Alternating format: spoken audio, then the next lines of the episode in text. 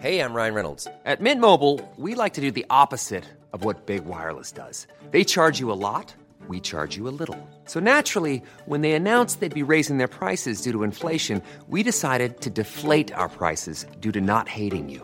That's right. We're cutting the price of Mint Unlimited from $30 a month to just $15 a month. Give it a try at mintmobile.com slash switch. $45 upfront for three months plus taxes and fees. Promo rate for new customers for limited time. Unlimited more than 40 gigabytes per month. Slows. Full terms at mintmobile.com.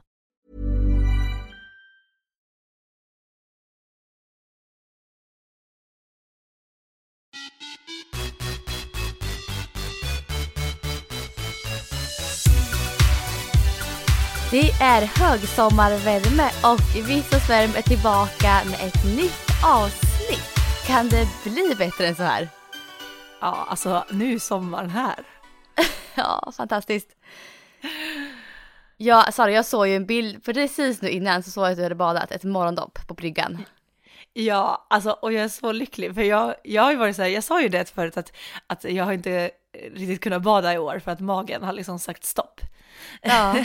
Men nu märker man, alltså när det har varit den här så varmt nu några dagar, så jag såg i helgen som var så såg jag att det var många som har tagit sitt första dopp och vår temperatur här har åtminstone gått upp kanske en 4-5 grader i vattnet. Vad, vet Så- du vad den har för temperatur? Jag tror att vi har runt 15-16 nu i alla fall. Ja. Och förut har det varit, varit runt 11 och det var ju då det var så här, nej, det sa bara stopp. Mm. Eh, Men nu så igår faktiskt så var jag och eh, badade med Rasmus på stranden, för han har några kompisar som skulle vara på stranden här på Storholmen. Och då var, var vi dit och då märkte jag att de skulle åka ut på, de skulle åka ut på en sån här eh, surfingbräda ut till en flotte Ja. Ja. eh, med puffar på och sådär. Och eh, det här är igen att Rasmus kan vara lite så här avvaktande och försiktig. Men så märkte jag ju på honom att han ville också med ut på den där. Men att Ja. han ville att jag skulle komma med. och jag hade inte tänkt bada igår. Men då, det var mammahjärtat liksom, när jag ser att nu vill han med och han hade varit liksom lite avvaktande. Och då kunde jag liksom inte säga, säga nej, Nej, så jag- jag simmade ja, förstår. med bredvid ända ut så han kom ut till flottan. Ja. Och, men då kände jag så här, gud vad skönt det var. Alltså så det var ju liksom, jag blev lite ilurad. Så nu på morgonen. Det var jag bra. Bara, ja, så nu på morgonen idag och jag bara, nej jag ska nog starta dagen med ett morgondopp för jag älskar ju det. Och det Ja. var så skönt och jag kände mig så här helt lycklig och levande. Och att jag liksom så här passade faktiskt på, på att så här träna på djupandning som jag har tränat på nu under yoga och där inför förlossningen som jag pratade om. Mm. Och jag tänkte, det där är nog bra. Det tror jag också. Så när man går i att jag liksom försöker att inte spänna mig eller börja andas snabbare utan bara djupa lugna andetag och ner och det klarar jag nu. Att gå i och bara känna att det, det var bra. Så jag bara, det kanske blir en yogi av mig efter det här vet du. Ja, ja, det kanske blir det. Inte helt omöjligt. Ja, Men jag sa att ni har också badat hela familjen i helgen och haft det härligt va? Ja, verkligen. Eh, Min sambo, sambos mamma har en sommarstuga i Godegård. eh, Som ligger lite utanför Motala. Och det är så här helt avskilt. Så att de har en egen liten sjö där och en brygga. Och eh, där var det varmt i vattnet. Jag tror det var 22-23 grader. Ännu varmare tror jag, 24 när vi gick därifrån. Oj! Ja men det var vattnet. Ja, en liten Ja. liten. Så att den blir jättevarm. Så där kan man verkligen hoppa i och simma omkring. Och vi tog, alltså bada jättemycket igår verkligen. Som en sommardag. Och ehm, vi hade våra suppar med oss. Vi har ju två stycken. Så vi åkte ut på dem också en tur där. Och eh, min son Mio, han, för första gången så ställde han sig på en egen supp och körde iväg och paddlade. Eh, han tyckte det var jättehärligt. Så han bara, mamma, jag kan bara träna supp istället för att springa. det här var roligare. Men det är jättebra. Det är faktiskt bra träning. Jag bara, ja, men Ja. självklart. All aktivitet är bra aktivitet liksom. Han tyckte det var Ja. skitkul. Jag tänkte, det kanske inte är så pulshöjande men det är ändå så här överkropp och mycket balans och så här Balans, stabilitet. styrka, och liksom, stabilitet. Mm. Jättebra verkligen. Så han åkte omkring där och njöt för fullt igår.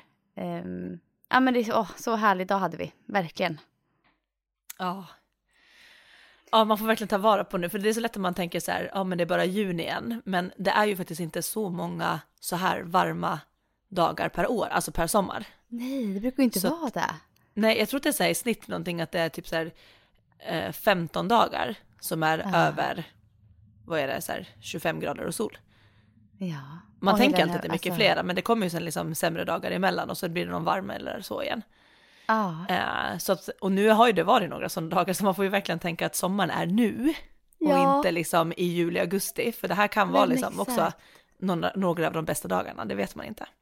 Ja. ja Och vi kommer ju vidrigt prata lite sommaraktiviteter idag. Mm. Så att, och liksom vad man kan hitta på under sommaren, både fysiska aktiviteter men också lite annat roligt som nu när man kanske kommer vara mer på hemmaplan eller åtminstone i Sverige. Innan det så tänkte jag att vi hoppar tillbaka till, till Bislett Games, för visst kollade du på det också? Ja. ja, det gjorde jag. Jag såg ju fram emot det här så mycket. Jag hade hetsat upp dig. Eh, ja, ja, det gjorde du. Det var ju härligt. Alltså jag tycker verkligen om att kolla på friidrott. Så det är jättehärligt. Eh, sen var det som du sa Sara innan, det var ingen publik och det var ju väldigt några få tävlande. Vissa Ja. grenar var det bara en person som tävlade. Så att, eh, men det var härligt att se. Vad tyckte du? Ja, men jag tyckte att det var bra. Alltså det var, jag var också supertaggad och jag tyckte det var jätteroligt att det var igång. Lite segdraget måste jag säga att det blev ibland. eh, Ja, i, jag kan hålla att, med. I och med att det, alltså, när de springer många, då är det ändå en klunga och det händer lite överallt, utan nu blir det ju mer eh, fokus på en person i taget. Eh, vissa grenar hade väldigt bra presentation om, tycker jag, atleterna och sådär, man fick lite mer en känsla. Eh, den där 200 meter häck kändes som att den bara gick i förbifarten. Man hann nästan Mm. inte riktigt, riktigt, eller jag fick i alla fall inte riktigt så förståelse vad som var bra eller vad, om det var någon rekord och sådär. Nej. Ehm, så, men det jag tyckte att var nästan, alltså nästan största prestationen under kvällen, det måste jag nästan ge till Johaug. Ja. Den Alltså, var nästan det som imponerade mig, för hon, hon körde ju själv, ja. men att köra, alltså köra så snabbt och ett, ett så långt lopp, det var ju 10 000 som hon körde på bana. Precis. Och att våga, alltså jag sa det till Lasse, så jag bara tänka så här, att den där också, att våga ställa upp att så här, jag ska eh, springa ensam på den här tävlingen, livesänt, som jättemånga kommer att kolla på, där det egentligen inte är min sport heller. Mm. Och liksom bara så här, alla ögon på en och att man, att man tar den chansen, det tycker jag också är väldigt modigt. Väldigt, väldigt modigt. Hon är ju, alltså hon är ju maskin. Hon, Ja. hon, och jag tycker så här, jag blir så imponerad för att man ser, hon har ju ingen löpteknik riktigt. Alltså hennes löpstil. Nej, man ser att hon inte löpare i, grupp, i grunden. Man ser det så väl. Och det ser ut som att hon kämpar från första steget till sista. Alltså som att hon är jättetrött från start ser det ut som. Som får fightas hela vägen in. Hennes pannben måste ju vara något utöver det vanliga alltså. Jag är också jätteimponerad av henne. Hon, Ja, vi sa det också att det känns nästan som att hon är en sån person som alltså nästan söker de där kickarna. ja, till att göra, att verkligen så här, men en sån här utmaning, att springa ett sånt rekord själv. Där. Alltså det känns som att hon kanske har presterat så mycket och gjort, upplevt så mycket sådär, så att hon kanske nästan behöver sätta sig i sådana där extrema tävlingar också för att få den kicken. ja men faktiskt. Och hennes tid, den blir 31.40. Ja, Och det var ju 40 sekunder bättre än hennes förra rekord. Det är ganska mycket på 10 km på den nivån är det ju, väldigt mycket. ja, Och eh, hon vill ju slå kvaltiden till VM i Doha från förra året på 31.50. ja, Och det gjorde hon. ja, alltså så sjukt imponerande. Och just att göra det själv. Men det jag Ah. ähm, reagerar på är just det här som var nytt som man inte har sett förut. Det var ju de här lamporna.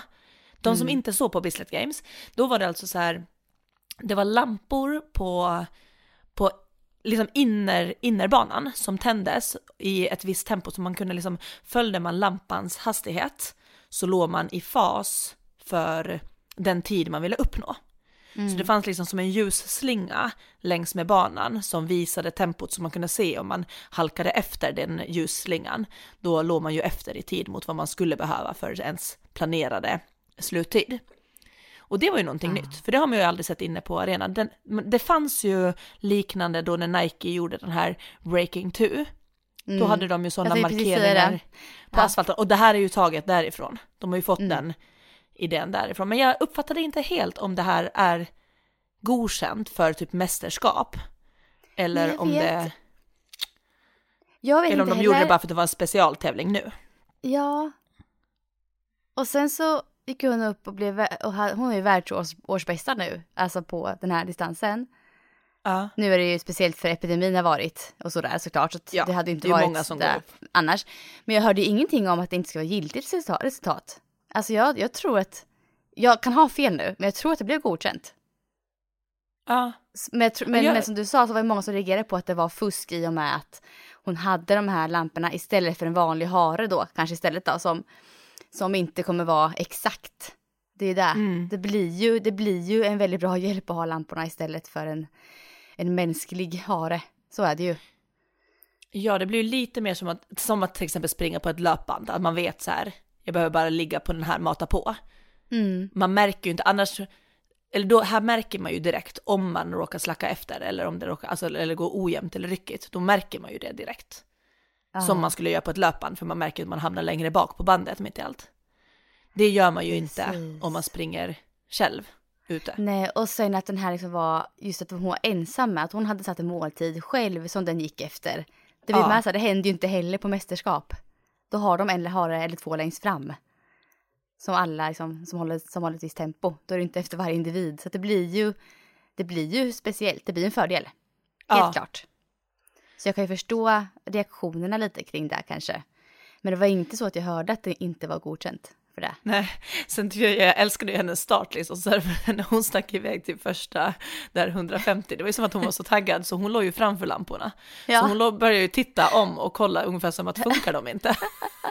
Men hon, hon stack ju iväg liksom snabbare än Ja. tempot som hon skulle hålla. Och det tyckte jag också var lite så här härlig inställning, att hon bara, hon bara drar. Vad tro.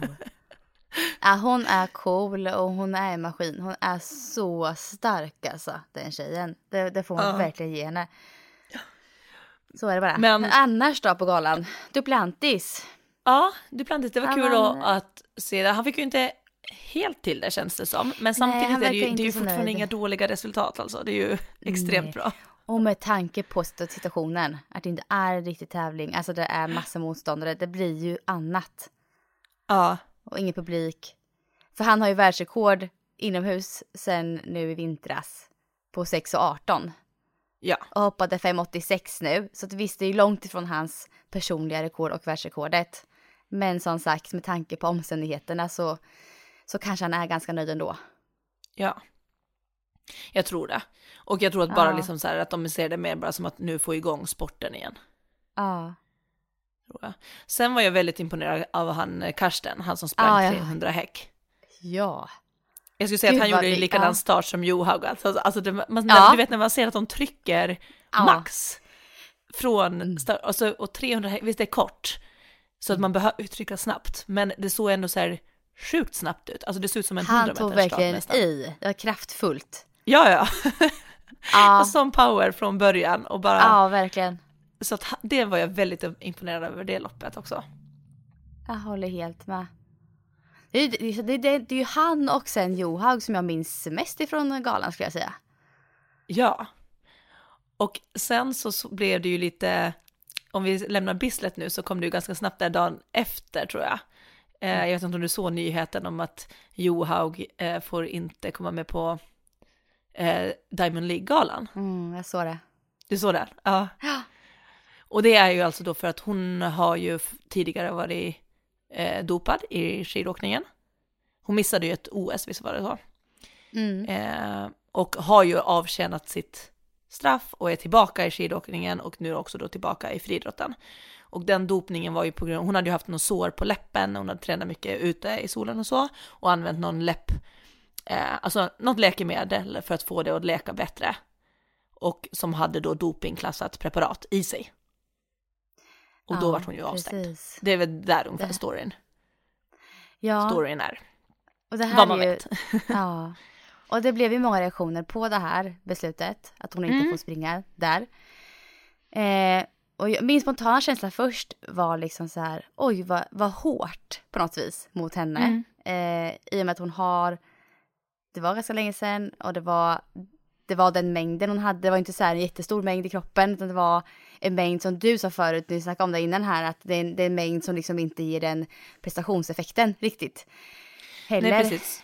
Jag har förstått att den mängden är att, att eh, det var ju, som elitidrottare får man ju inte ha det preparatet i sig, men kollar man på den mängd som man får via en salva på läppen, mm. och jag menar, det är ju först en liten mängd salva man använder, plus att i den så är det ju bara en liten del av det där preparatet i, det är inte att hela salvan består av det preparatet.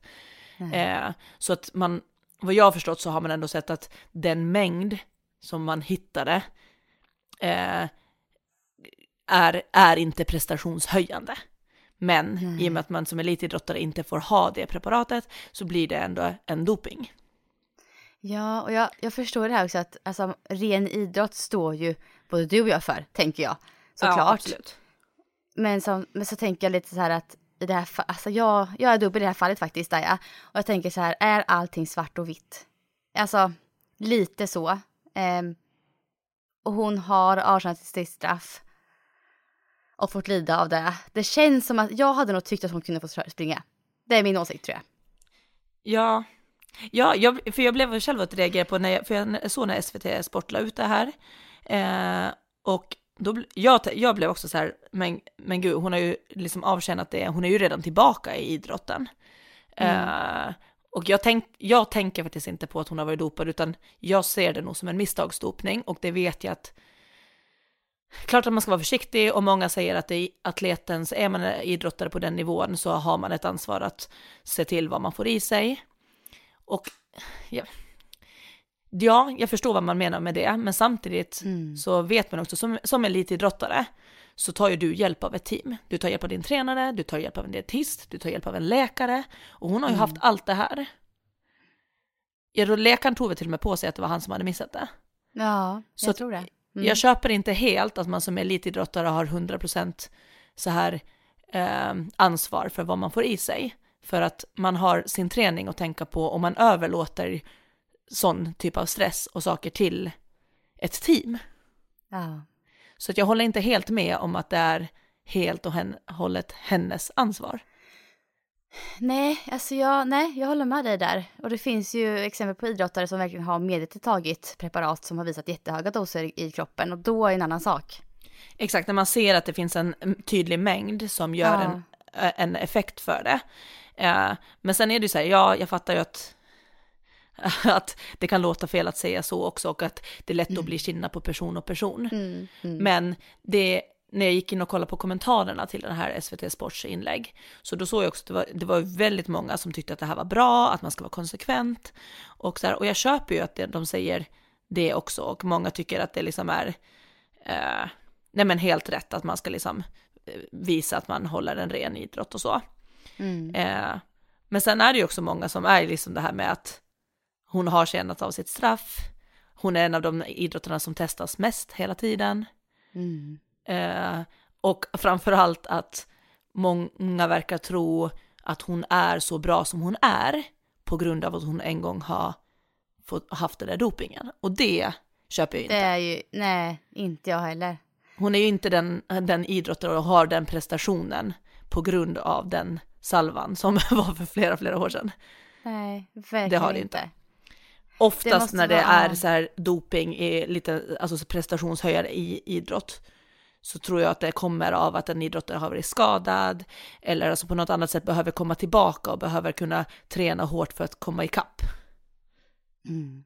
Jag tror att det är där det används doping mest. För att liksom så här under en uppbyggnadsträningsperiod för att verkligen få en boost så att man kommer tillbaka till där man har varit. Ja, alltså det är en komplex fråga, helt klart. Ja, um, verkligen. Men jag tycker lite grann att det är lite hårt.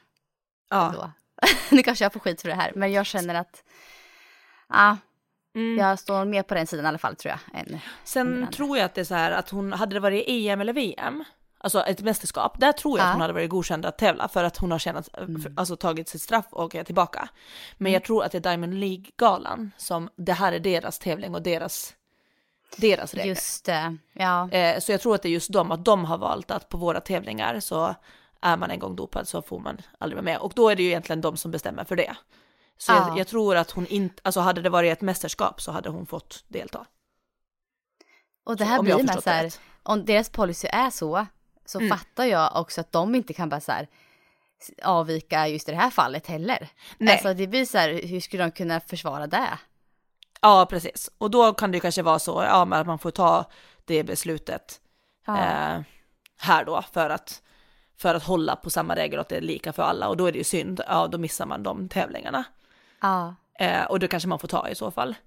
Men jag tycker fortfarande att många av kommentarerna tyckte att det var eh, orättvisa och nästan lite så här avundsjuka på att det så Ja, här, men det är ju, ja, det är ju att lättare inte- på något vis att säga så att, Mm. alltså det är lättare att komma med den åsikten tror jag.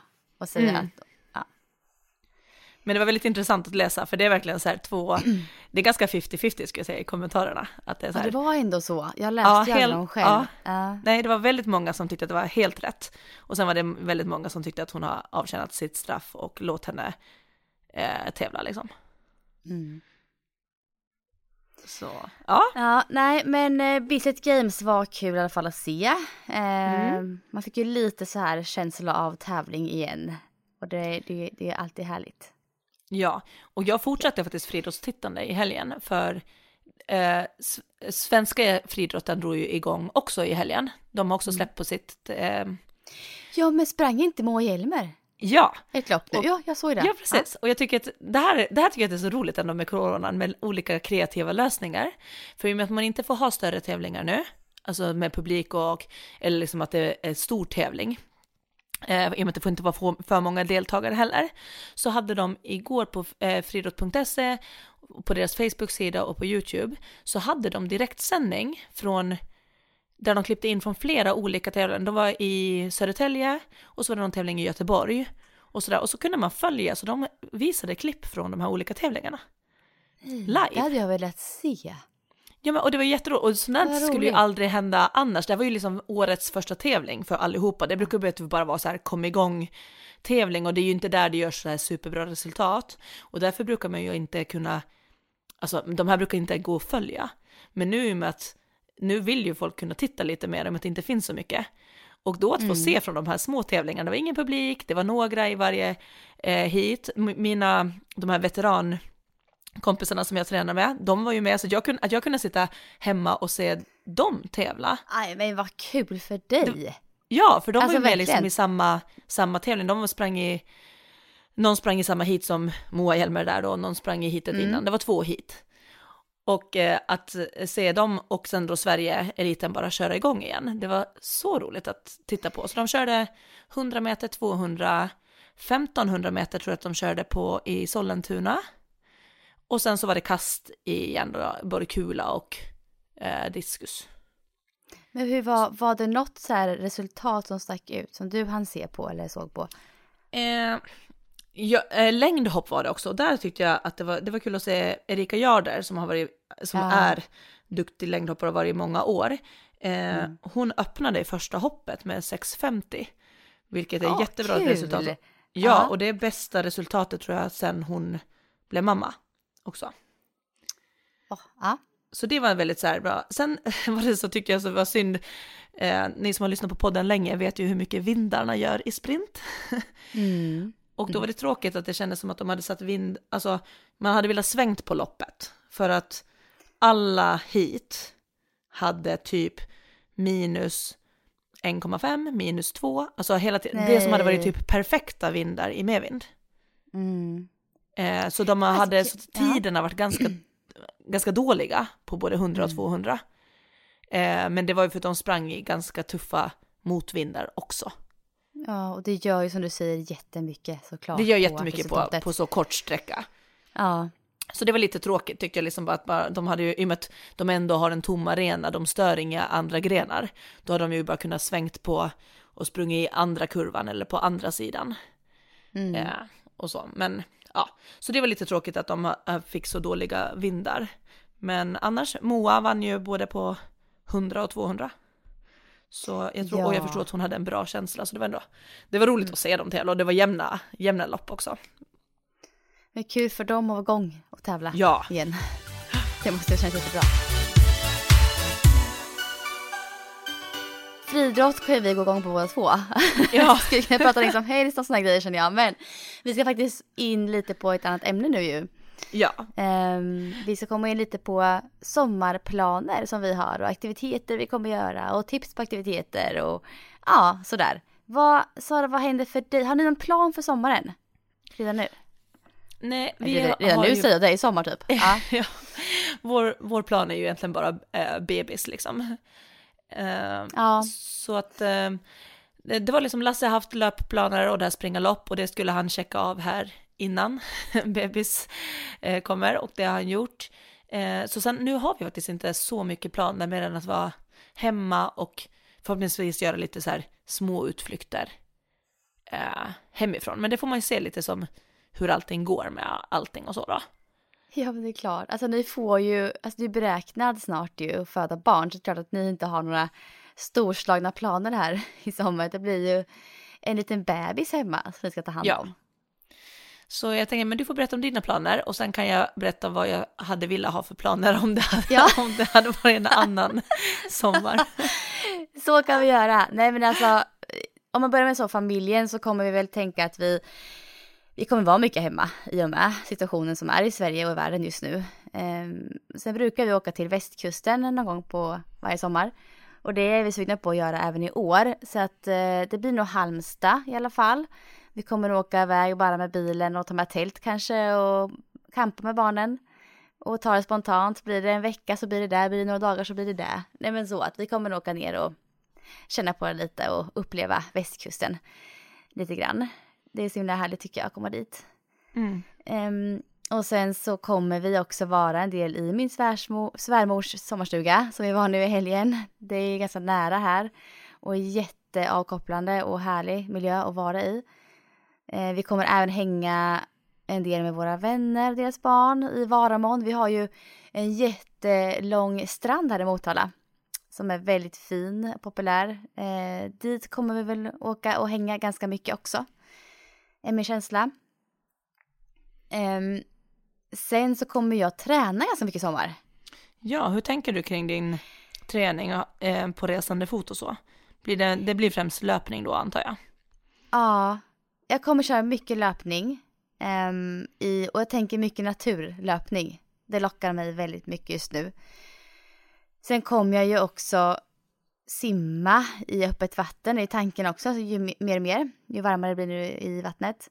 Eh, köra lite träning och swimrun tänkte jag köra som träning. Det har jag pratat om ganska mycket på den, framförallt i början på året var jag väldigt taggad. Jag har ju tappat lite så här motivationen till simningen men eh, den börjar smyga sig på lite. Så jag börjar bli sugen igen faktiskt och köra igång. Så lite swimrun är jag jättesugen på att träna. Ehm, och sen så kommer det bli en hel del på supparna gissar jag på. Och det blir mer, dels så kommer väl jag och min sambo, vi har ju två suppar, så vi kommer åka ut på dem själva eh, ibland. Som träning kanske. Och sen så kommer vi även ta med oss barnen såklart också mycket. Eh, och åka upp i supparna. Och vi tänker faktiskt så här, vi har ju lite småöar här runt omkring, så vi tänker att vi ska faktiskt åka till lite ställen och ta med sig supparna och kanske tält faktiskt. Eh, åka ut till en liten miniö här eh, längs eh, Motala och se vart vi hamnar där också. Så Vad mycket mysigt. så här, ja, mycket, ja mysigt, mycket nära där vi bor eh, och försöka vara så aktiva som möjligt känner jag. ja. Det lockar inte så mycket att ligga och sola på en strand en hel dag utan vi är mer sugna på att göra saker liksom så med barnen. Eh, och när det är löpning just när jag åker, när vi, när vi är iväg och, och så i sommar så tänker jag att jag eh, såklart tar med mig löparskorna. Och jag tänker att eh, jag är ju sån som oftast liksom upptäcker nya platser i mina löparskor. Jag får se väldigt mycket när vi åker omkring för att jag springer väldigt mycket. Eh, och det är någonting som jag skulle vilja skicka med till de som lyssnar, att alltså upplevelselöpning och upptäcktslöpning kanske. Att eh, är man och reser, eh, det kan bara vara en ny stad i Sverige eller var som helst. Alltså se till att springa liksom och upptäck staden, det är jätte, jättehärligt. Ja, Det- jag håller med. Eller hur? Det är så härligt. Vad, vad tänker du? Du kommer inte träna i sommar, tänker jag så mycket. Nej, eller jag tänker så här. Eh, eh, första, jag har ju som sagt en liten plan och jag vet att första grejen som jag kan, det, är inte vad någon ser träning, men det är ju ändå första steget mot att börja träna.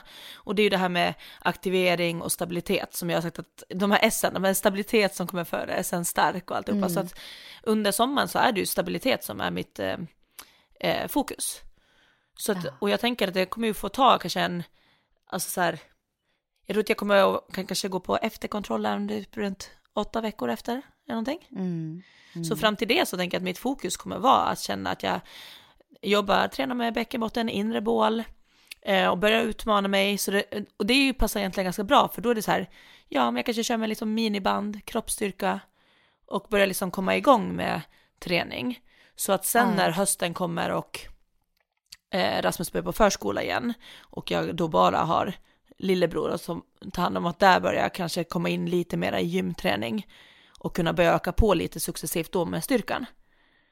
Mm. Eh, så jag tänker min det första steget på typ åtta, åtta första veckorna eh, så kommer jag nog ändå liksom ha en målinriktad träning fast det låter, det låter hårdare än vad det är. ja men nej, det är jättebra tänker jag. Mm. Så och då just att promenader, Mm. och liksom komma tillbaks till rörelse och känna att känns det bra så kommer jag försöka gå promenader i, alltså i backar, alltså med, med jag vet, alltså gå i backe med vagn, det är ju jättetungt. Och det är väldigt ja. bra tycker jag för baksida lår och rumpa och liksom få den här trycka ifrån. Mm. Så att jag kommer nog liksom öka min belastning på det sättet liksom, men, att, men är det sommar och härligt, det är ju jättelätt att bara då kunna dra på ett par joggingskor och gå en rastpromenad med med vagnen och kanske prova lite utfallssteg och stanna till och jobba med miniband och den typen. Mm. Och, så. och det är ju, när jag fick Rasmus, det var i januari, och då var det så här, ja, jag gjorde något sådär, men nu blir det ändå mycket härligare upplevelse, tänker jag. Att kunna göra mm. det den här årstiden. Ja, och det blir helt annat. Mm. Så skön årstid ändå att få barn faktiskt. Ja, det är egentligen perfekt. Eh, eh, för jag tänkte nu när det har varit så varmt de här dagarna, jag har varit väldigt trött. Och då tänkte jag så här, gud, de som var höggravida 2018. Ja. Alltså när det var så varmt ja, en sommar. Gud, ja. Och ja. framförallt, eller även de som är nu, så här, som ska ha barn i slutet på augusti till exempel. Alltså jag är ja. inte avundsjuk. så jag tycker att det här är egentligen så här perfekt, man skulle kunna varit lite tidigare, typ i maj eller någonting liksom. Men ja, nej men det är jätte, jag tror att det kommer vara jättehärlig tid att att få en bebis på och liksom kunna lätt gå ut och men just så här, lätt tillgängligt ut till naturen också. Mm. Så Precis. min plan är nog liksom bara att liksom börja komma igång med kroppsstyrka och komma igång med saker, så här, känna mig stabil och stark igen. Det är väl min, jag hoppas att när hösten kommer så ska jag ha checkat av det första steget där. Det är så kul, det är så här, vi är så olika faser du och jag just nu. Ja. Alltså det är, det är verkligen så. Eh, vi hade ju ungefär samma fas, alltså när förra året så var ju båda två väldigt så här i vårt, vår bästa form, båda två kanske, ja. eller hur? Du var så starkast, ja. jag var så starkast. För att jag skadade och du blev gravid. Ja. Sen har jag varit så lite, ja, jag har ju varit skadad länge, men nu känner jag liksom att jag är, jag är tillbaka alltså. Jag känner mig så jäkla stark just nu faktiskt. Ja. Nu vill man inte säga det högt egentligen, men jag känner så här att Nej. jag jag känner verkligen att jag är på väg, alltså tillbaka. Jag, att, nästan så skulle jag kunna säga att jag är tillbaka till och med. Mm. Eh, till den form jag var liksom eh, innan jag blev skadad och då var jag i min bästa form, löpform. Någonsin. Så att jag har väl lite så här som mål nu i sommar. Det är ingenting som jag liksom har tänkt jättemycket på men jag har ändå så här, det har kommit till mig lite att eh, jag vill absolut bli starkare än någonsin. Mm. Alltså både kroppsligt, alltså kroppen i sig, helhet och, och, och som löpare. Så vill jag liksom känna att jag nu, den här sommaren ska jag komma tillbaka och gå förbi där jag har varit. Det är mitt, mitt mål. Det låter bra. Och visst har ju du sikte på Helsingborg? Halvmara? Ja, ja precis. Och där och känns det just du... väldigt lovande alltså. Ja, och hur tänker du med din löpträning inför det? Är det liksom det som är målet i din träning nu, att du liksom tar sikte på och planerar lite dina, nu planerar ju inte du ett program i sig, men du har ju ändå Nej. oftast en, en grundläggande tanke ändå med tempo och liksom så här vad du ska få ihop per vecka.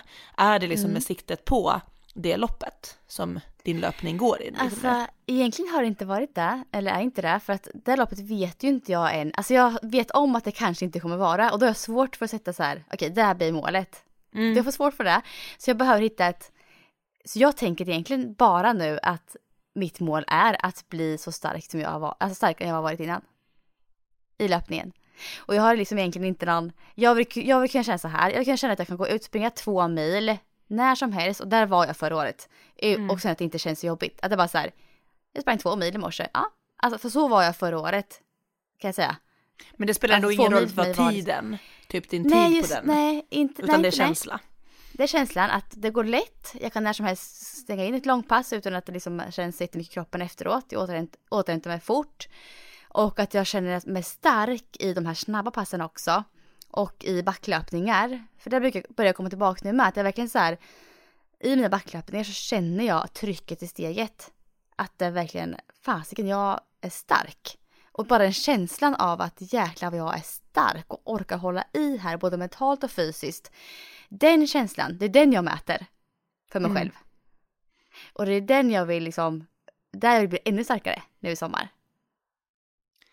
En, en annan fråga, jag tänker säga till planeringen till din löpning, för du har ju oftast haft ändå så här mm. att, att långpass till exempel hamnar på helgen. Mm. Mm. Nu när det blir semester och du inte kanske jobbar så som vanligt och inte har chillna kanske på helg och vardag, håller du ändå mm. samma som lite struktur på löpningen? Eller kan, blir det liksom, hur tänker, för jag tänker det är många som går på semester nu och då tappar lite de rutinerna. Hur tänker du kring liksom med löppassen under veckan under semestern? Jag tänker nog så här, för det kommer så här, det kommer styra vad familjen ska göra. Alltså ska vi åka iväg, i och för sig, jag har ju alltid med mig löparskor. Jag tänker nog så här, och brukar göra så i alla fall, att jag får in ett långpass i veckan. Eh, det kommer finnas kvar ett i veckan. Och jag, ofta så faller de ju in på söndagar för mig. Det har liksom varit så väldigt länge. Um, så jag tror att de kommer hamna på söndagar även i sommar. Och blir det inte så på grund av andra planer, att man kanske just den dagen reser eller någonting, då lägger jag in det en annan dag. Det, liksom, det, det gör liksom inte mig så mycket att det blir en annan dag, men att det i alla fall blir av ett långpass i veckan. Och hur långt det här är, det är inte lika långt som där när jag tränar inför maraton. För då kunde jag komma upp i, då låg jag på minst kanske 22 kilometer på ett långpass. Nu skulle det kanske, nu ligger de på upp till 20 eh, kilometer. Upp till två ja. mil. Så ett långpass för mig just nu är faktiskt, det kan till och med vara ja, med 14 kilometer. Och det skulle inte jag säga var långpass för mig när jag tränar inför maraton. Nej. Men, men så mina långpass nu är mellan 14 till eh, 2 mil skulle jag säga. Och jag får till ett sånt i veckan. Och sen så får jag till ett snabbt pass med lite intervaller. Det får jag också till, ett i veckan. Och det kommer jag uh, försöka behålla.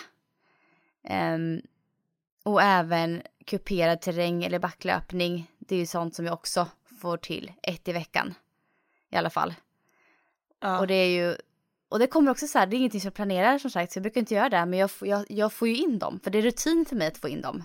Så att de faller in i veckan på ett bra sätt. Um, och sen så uh, kör jag lite morgonrunder som är mera...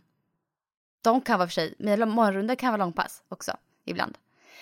Um, och sen runt 8 till 12 kilometer. Där ligger väl de flesta av mina morgonlöpningar just nu.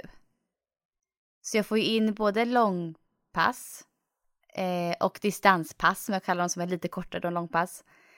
Och ett kuperat pass på olika sätt och ett snabbt intervallpass. De fyra, den variationen får jag ju liksom in varje vecka kan man säga. Och så kanske jag får till något bonuspass utöver det också. Så det är mer rulla på, att du känner nu har jag inte gjort det på det länge, på. det blir det idag. Mm. Exakt, så körde jag två distanspass på raken så tänker jag då blir tredje passet, då blir det ett snabbt intervallpass. Mm. Och så kanske det blir vilodag efter det och så kanske det blir långpass efter det. Så jag brukar tänka mig att för när jag kör långpass så vill jag inte vara för trött i benen. Helst. Nej. Innan. Um, så att uh, ja, det är lite så jag tänker kring min träning. Så att den är ju, på ett vis så är den strukturerad. För att jag har det här i mitt huvud. Men det mm. finns inte så några specifika veckodagar utan det är mer Mer på känsla. Den dagen jag känner mig stark så kör jag hellre de snabba intervallerna. Är jag lite seg och mör i benen så kör inte jag de snabbaste intervallerna. Då kör jag hellre distans. Till exempel. Mm. Eh, oftast blir mina distanspass progressiva. Så vi pratar om podden ofta. Eh, och då kommer jag då kommer jag liksom in i nästan tröskelfart sista biten där på mina progressiva pass. Så jag får ju på sätt och vis ganska mycket kvalitet in i passen. Ganska naturligt. Och jag älskar ju att träna så här.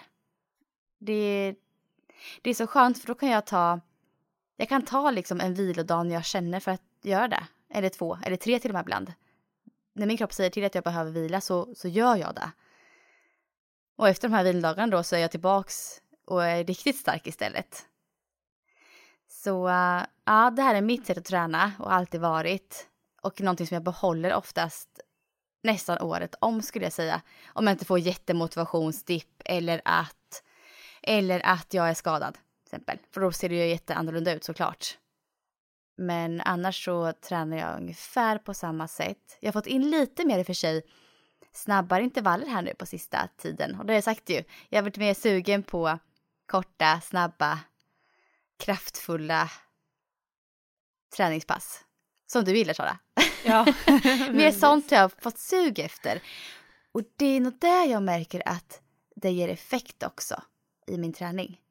För jag har verkligen legat och malt på ganska samma tempon på många pass tidigare. Men nu har jag fått in lite mera korta, snabba, effektiva pass. Och de, de passen känner jag att de tar inte så mycket energi då för kroppen. Jag känner att de, de är så, det är så mycket vila i de passen. Och liksom det är inte så länge ute, utan det blir väldigt korta, effektiva. Men jag får verkligen utmana min snabbhet och löpstyrka där. Och det märker man ju ger effekt jättemycket. Och det är det här jag tror för människor som vill utvecklas i löpningen jag tror att sprintträning faktiskt är jätteutvecklande för oss distanslöpare. Och det har sagt förut också i podden. Jag tror mm. verkligen det. Att vi kan lära massor av dig Sara där, för jag tror att man känner när man kör väldigt snabba pass hur man kopplar på helt andra muskler. Bålen får verkligen jobba på ett helt annat sätt. Lårmusklerna. Jag hade ju världens träningsverk efter mitt pass på stadion i framsida lår. Har jag aldrig ja. annars.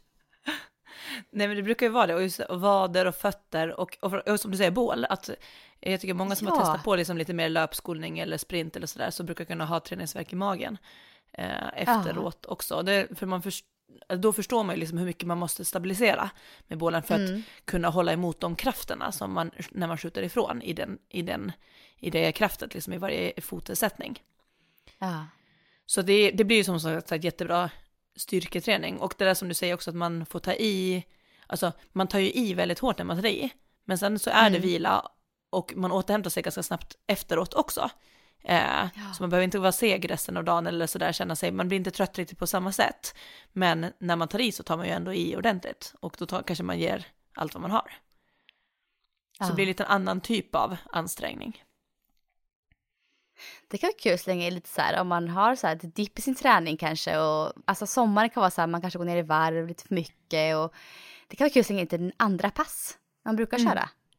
Ja, och sen så tycker jag att det är ganska lätt att köra med så här, för att ibland är det lätt att man tänker att om man ska springa distans så vill man springa med någon som är typ jämnbra eller jämn, alltså så här. Mm. Och det mm. upplever jag i sprinten så behöver det inte vara det på eh, på samma sätt för att man håller sig mer på samma ställe.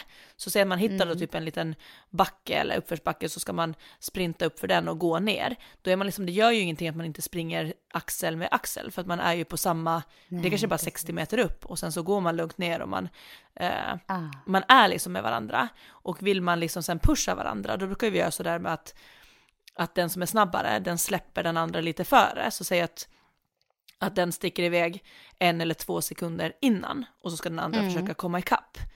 Mm. Eh, och det blir ju att då blir, båda får ju jättebra push för den som är bakom jagar ju verkligen, men den som ja, går framför precis. den försöker ju verkligen också för, komma först över linjen. Eh, mm. Och sen om den andra ändå kommer innan, ja men då får man släppa lite till, så okej okay, men släpp mig två, två och en halv sekund ungefär. Så att man försöker hitta den där utmaningen och därför så känner jag, jag har ju genom åren sprint, äh, tränat sprint med tjejer, med killar och olika åldrar och så här att vi har liksom anpassat liksom. Sen är det startskott, då vill ju alla sticka iväg på samma gång, men då jag, kan det också vara ibland att någon står en meter längre bak. Mm. Och då kan man ändå liksom tävla till först till den här 40 meters linjen eller sådär. Eh, Ja, alltså. och jag tycker det är väldigt roligt på så sätt, för då kan man faktiskt träna ihop med familjen eller med barnen och sådär också. För att man, Mm. det är ingen som sticker iväg. Nej, det där är ju väldigt bra tips om man är iväg och reser med barn, eller bara hemma också såklart i sommar. Mm. Alltså att köra intervallpass med barnen. Eller med sambon, eller vad det nu är. Mm. Eller back, backlöpningar. Sånt som liksom är korta, det är vila ganska ofta, som alla kan vara med på. För det är som sagt som du säger, det går inte att göra det på distanslöpning. löpning. Det funkar liksom inte på samma sätt. Nej, det är blir man för svårare. Ojämn där så... får komma med på cykel så som vi har gjort i någonting, men då blir det inte riktigt samma, samma sak. Men det, är, det, det tycker jag att det är annars en jättebra aktivitet också, som om det är någon som Ja, vill springa långt. verkligen. Och som du sa, kanske så här, i en ny stad om man är ute och, alltså om man gör en liten roadtrip i Sverige eller någonting. Mm. Så att om någon springer i familjen, så här, men se till att de andra följer med. Man kanske med cykelvagn eller cyk, alltså cykelstol till barnen om det finns möjlighet. Kickbike, eh, elskoter, alltså vad som helst men liksom så här som man Ja. kan, kan ta en kvällstur eller alltså en tur tillsammans. Eh, för det sociala också, för det är väldigt mysigt att kunna vara iväg ihop och se nya liksom, platser och rundor också.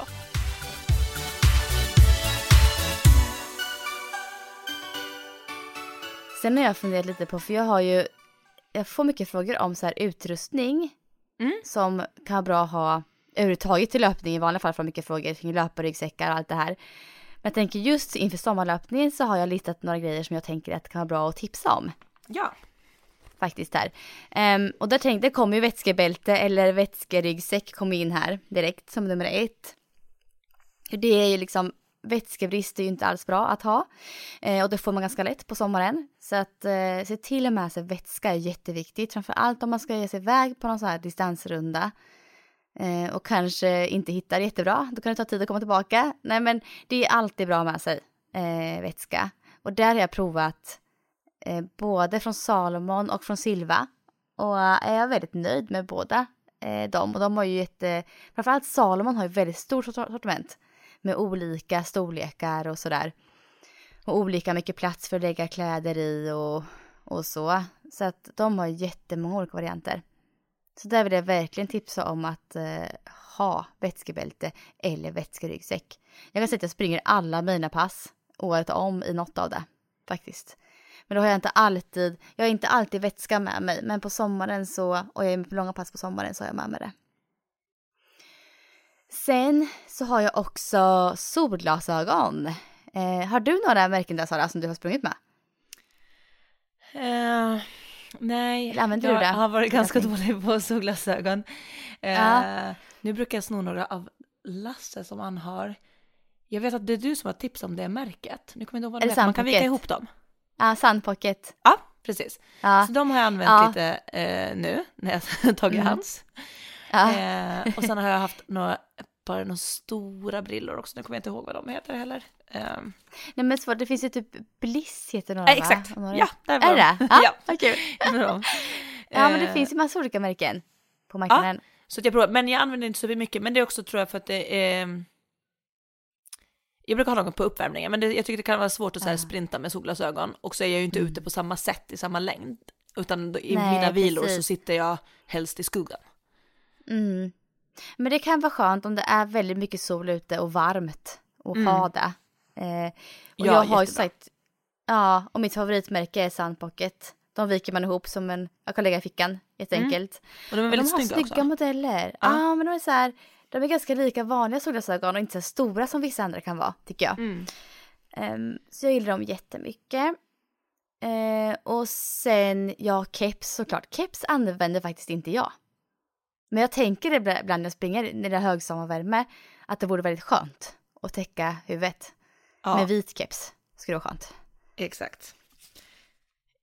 Jag vet inte är väl skriva upp jag de punkterna som man verkligen borde ha under Ja. sommaren. Och det är också just Ja, där. för det... Jag tänker det också. Eh, Ja. Och sen är det ju väldigt lätta och svala plagg.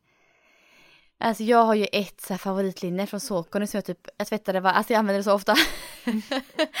det är så himla svalt och känns inte på kroppen överhuvudtaget. Så att så lätta och så svala plagg som möjligt som är funktionsmaterial är väl liksom kanske ett självklart tips men det, det gör faktiskt väldigt mycket tycker jag. För så fort man har plagg som är liksom för tjocka eller hårda på sommaren så tycker jag att man får lite panikkänsla nästan.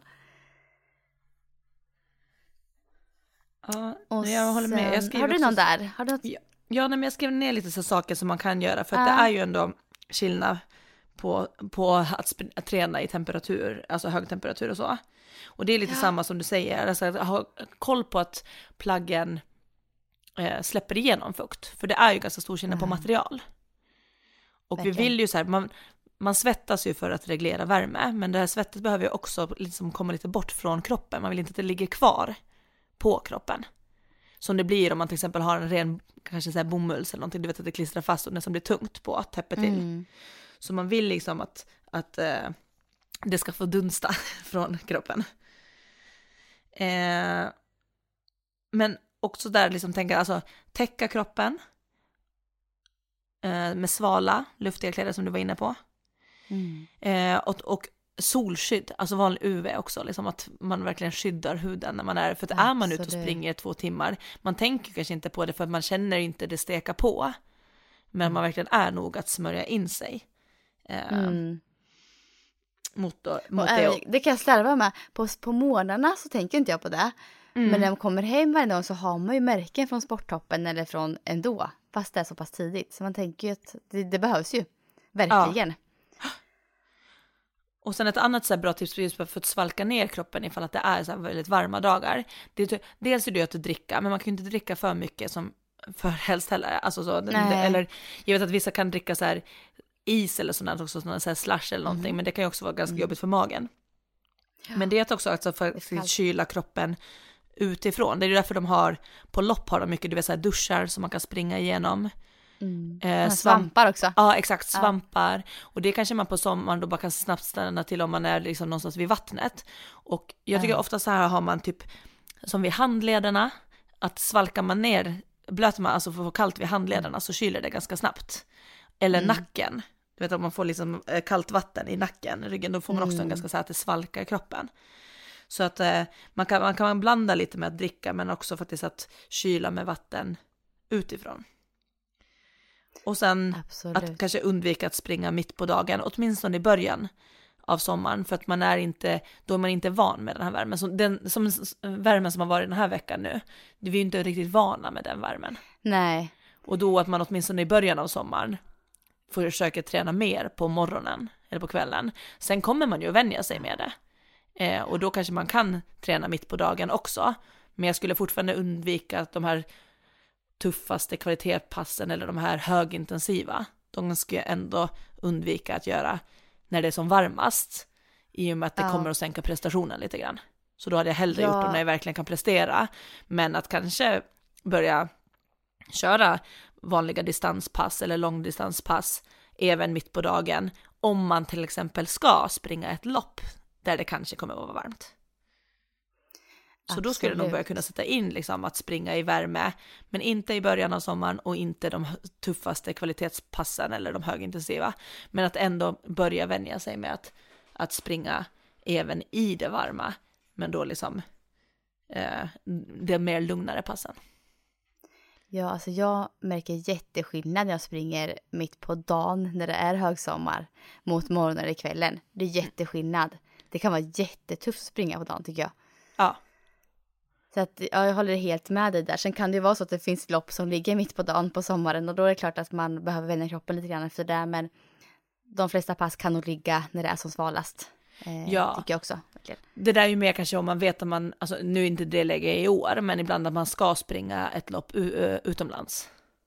Ja, ja eller, absolut. Eller där, mm. och då kan det ju vara just bra att göra, eh, göra det här, träna på att vara i värme. Ja. Det var ju också många som till exempel när det var eh, VM nu i Doha, då var det ju, de flesta atleterna åkte ju ner typ en två veckor innan, för att också man, ja. måste vänja sig med det så att kroppen hinner liksom komma in i det. Och då börjar de ju också liksom försiktigt och ökar på under, under, det kanske tar två veckor ungefär för kroppen att anpassa sig till värme.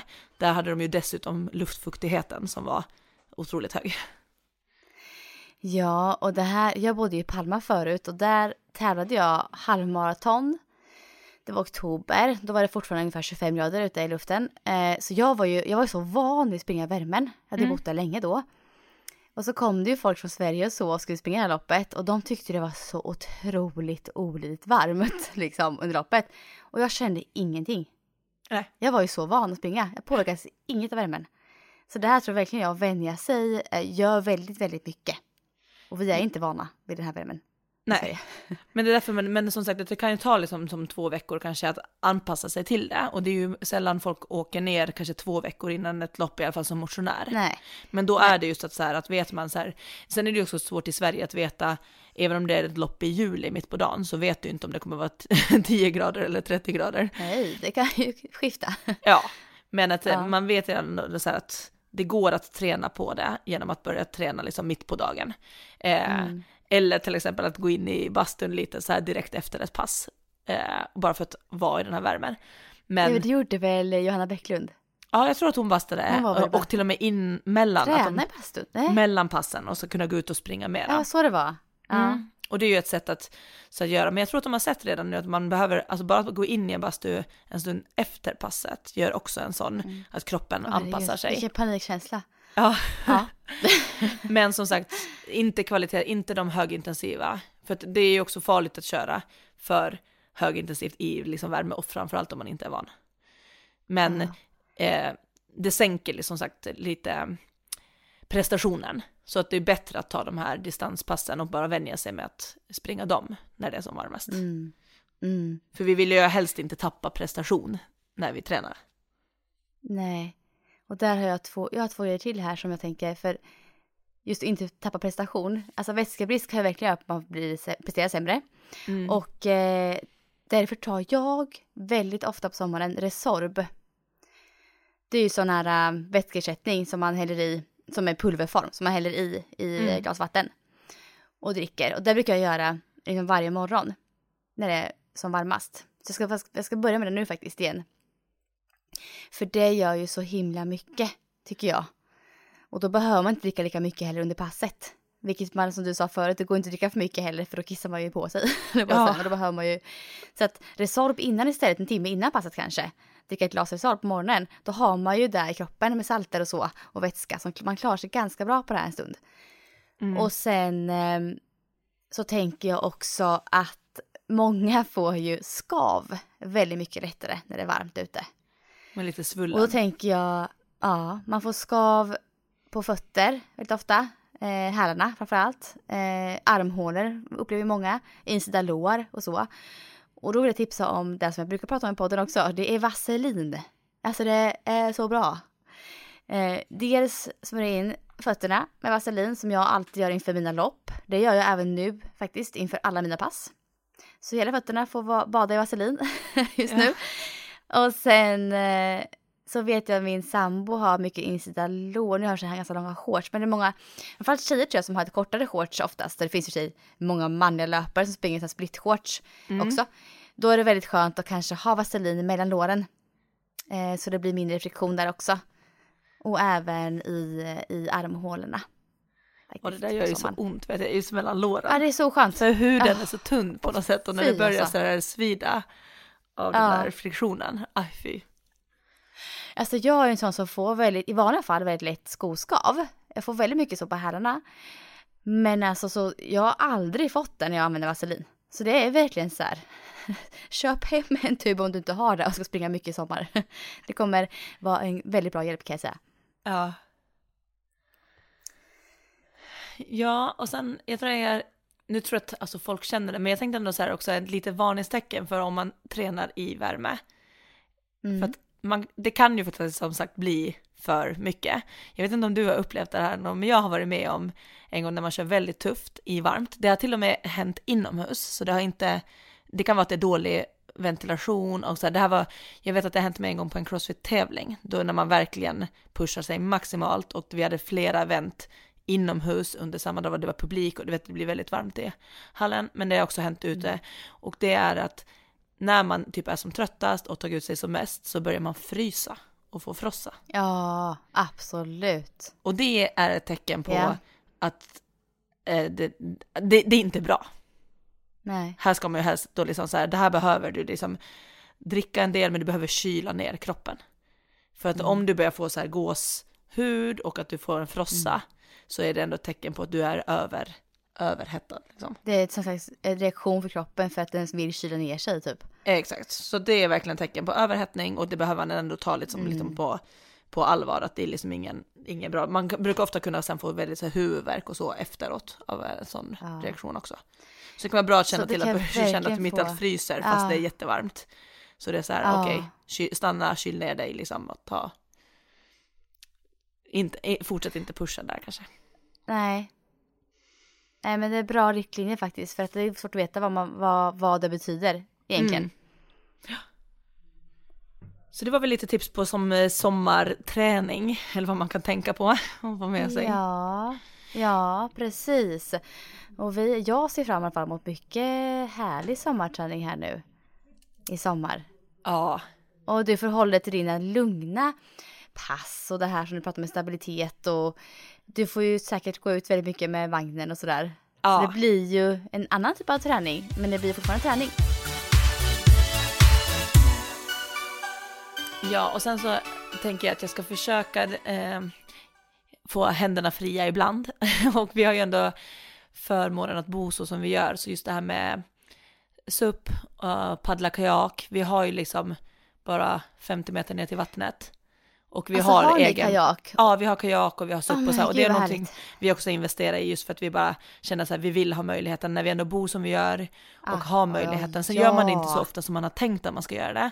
Men jag tänkte så här, kan jag bara komma ut och paddla en halvtimme eh, så får jag ändå en sån här riktig sommaraktivitet. Och paddling är ju lite som en promenad fast för överkroppen. Man får liksom ändå, Aha. pulsen Ja, är låg precis. men man får ändå liksom känna att man tar i med överkroppen.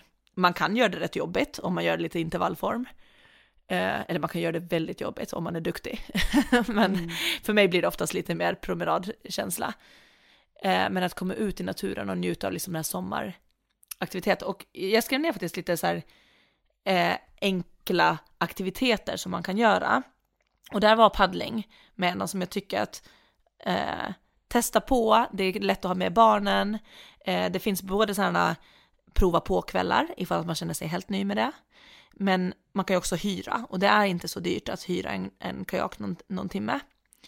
Eh, och det är kan man det ju för- göra det- det- även om man bor kanske inne i Stockholm eller sådär. Att det finns ju, Ja. man kan liksom paddla runt Gamla stan och liksom, det är väldigt lättillgängligt än vad man, man, vad man, man kanske tror att det är mer krångligt. ja, det känns krångligt på något vis tycker jag. Eh, och så tänker jag barn, alltså ålder på barn sådär. Och mina borde ju kunna klara av att sitta en sån och paddla lite nu tänker jag.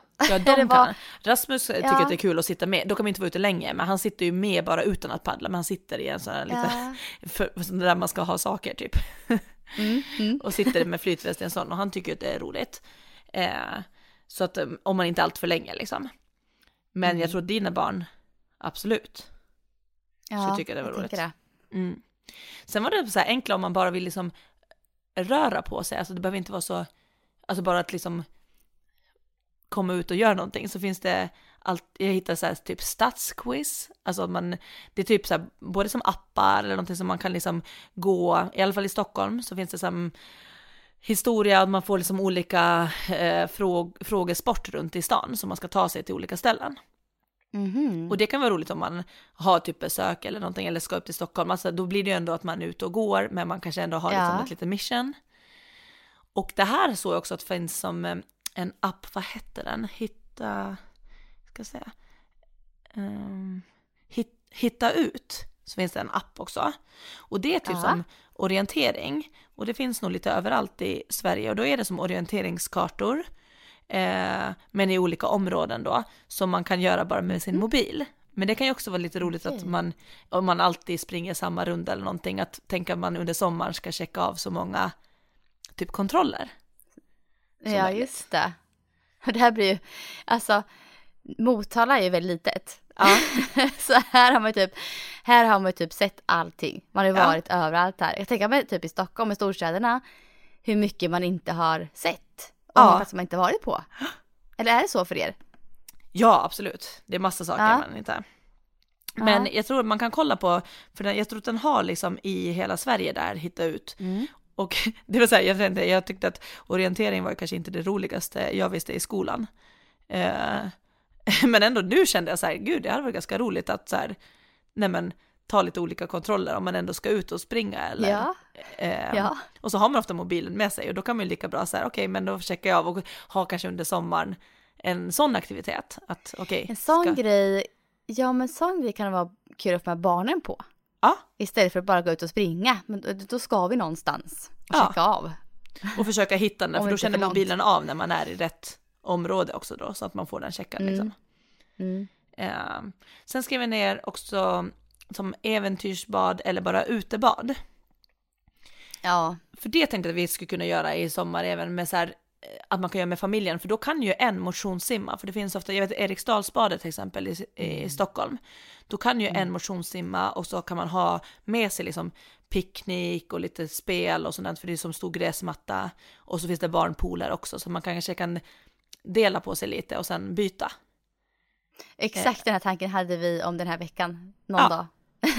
Så vi man har inte försöker det i hitta ställe där man kan både träna och göra saker och aktivitet Ja. med barnen och så kan man byta lite.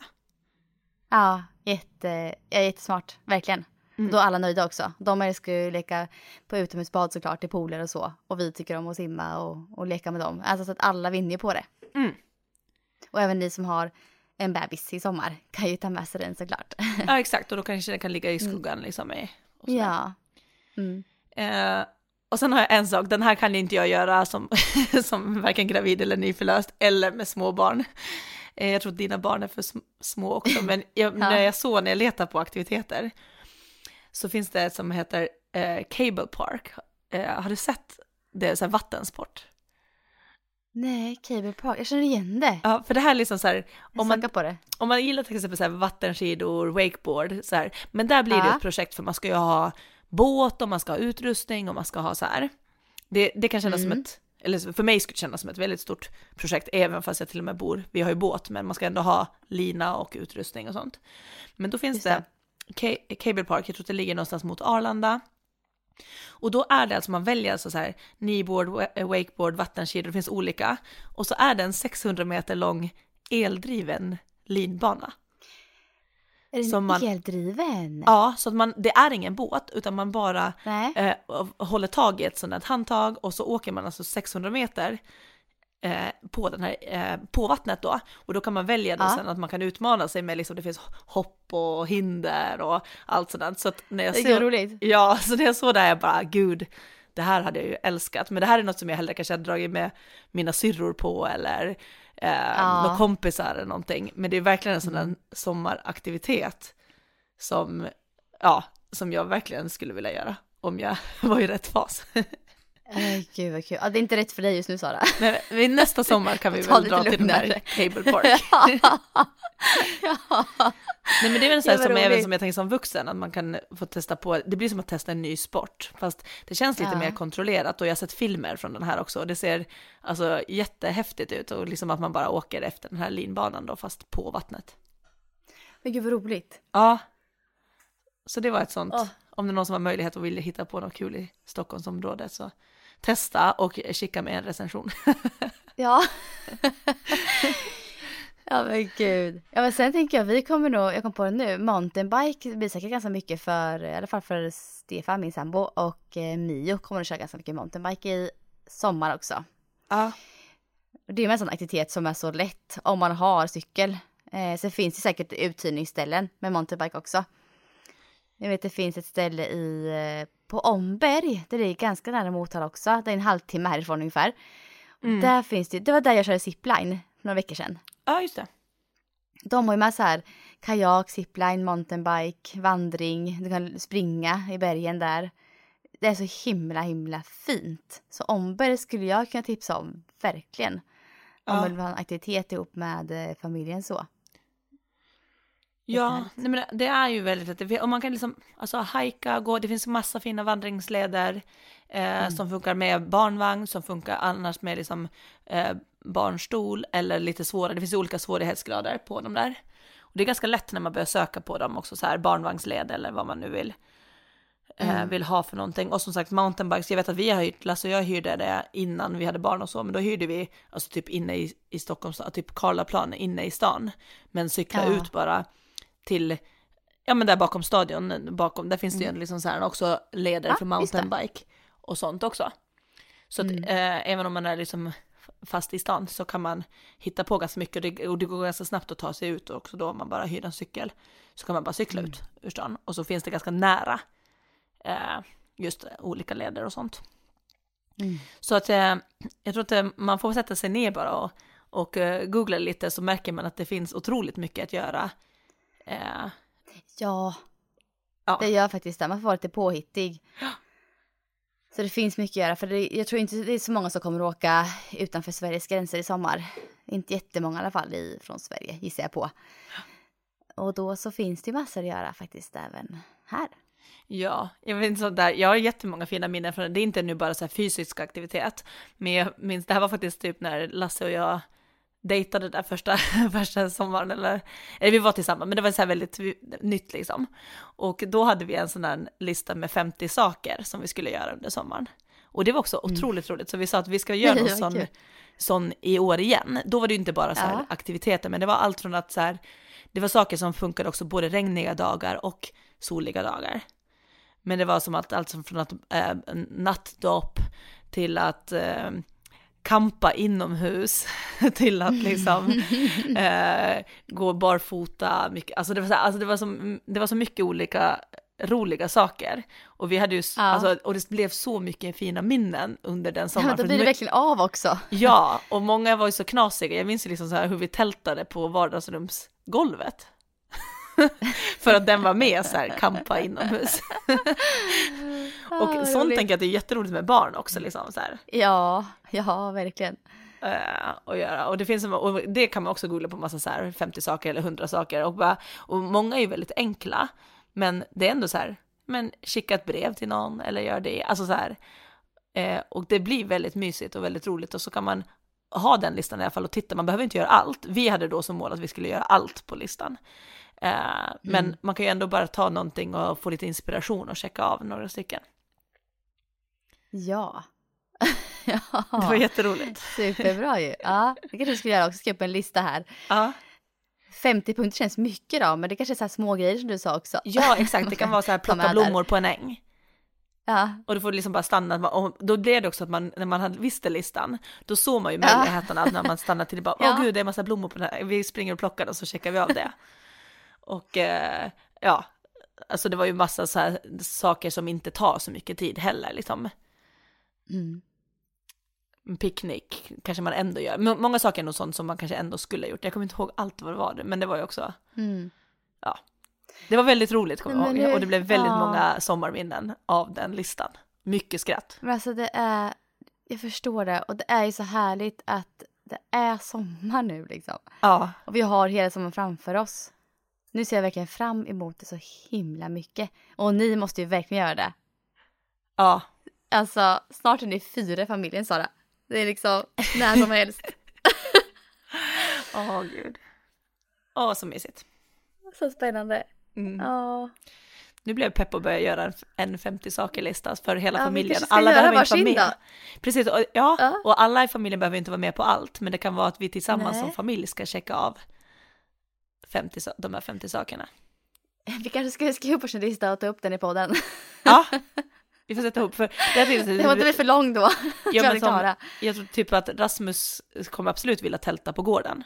Och det kan ju vara Ja. jätteskönt om det blir så här att äh, lillebror är lite skrikig och sådär. Att då kan Lasse och Rasmus tälta ut en någon natt och så Ja, Får man- det, alltså här- det där tror jag ni... Ja. då vinner liksom alla lite på det medan, medan Rasmus får ju ett äventyr genom att han ska tälta på gården. Liksom.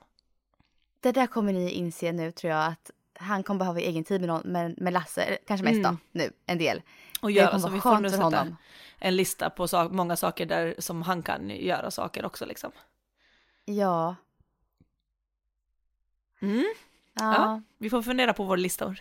Ja, vi får göra det alltså. Och jag tror vi har så här ett rekordlångt avsnitt idag nästan. Ja. Ser jag nu. Alltså ibland drar det iväg. iväg. ja.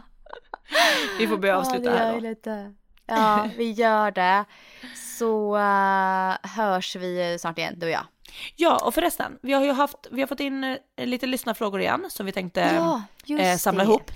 Eh, för det har kommit några till våra Instagram eh, eh och vi tänker att vi kanske gör så igen att vi tar ett avsnitt där vi satsar på att svara lite mer på frågor.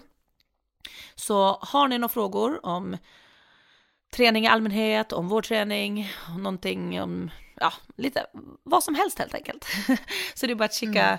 kika in det så kanske vi tar med de frågorna också då till eh, nästa gång. Ja, och det blir att vi spelar in det nästa avsnitt, eller hur? Ja. Ja, är tanken. Mm. Äh, men jättebra.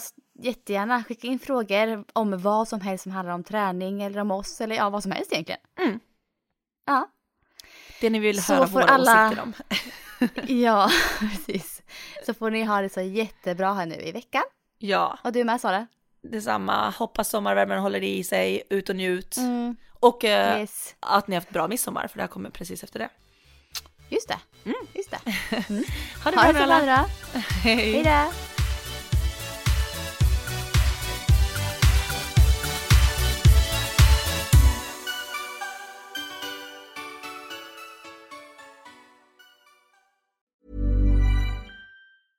Ever catch yourself eating the same flavorless dinner three days in a row?